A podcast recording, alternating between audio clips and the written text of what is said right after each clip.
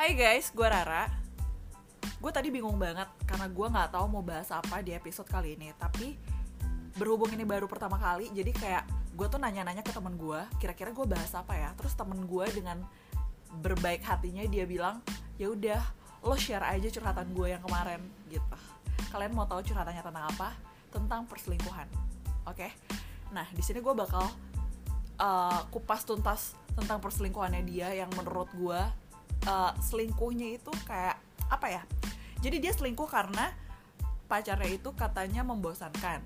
Lalu ada cewek lain yang datang dengan sosok menyenangkan yang bikin hatinya dia luluh.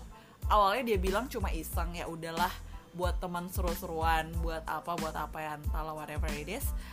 Yang jelas pada akhirnya dia baper.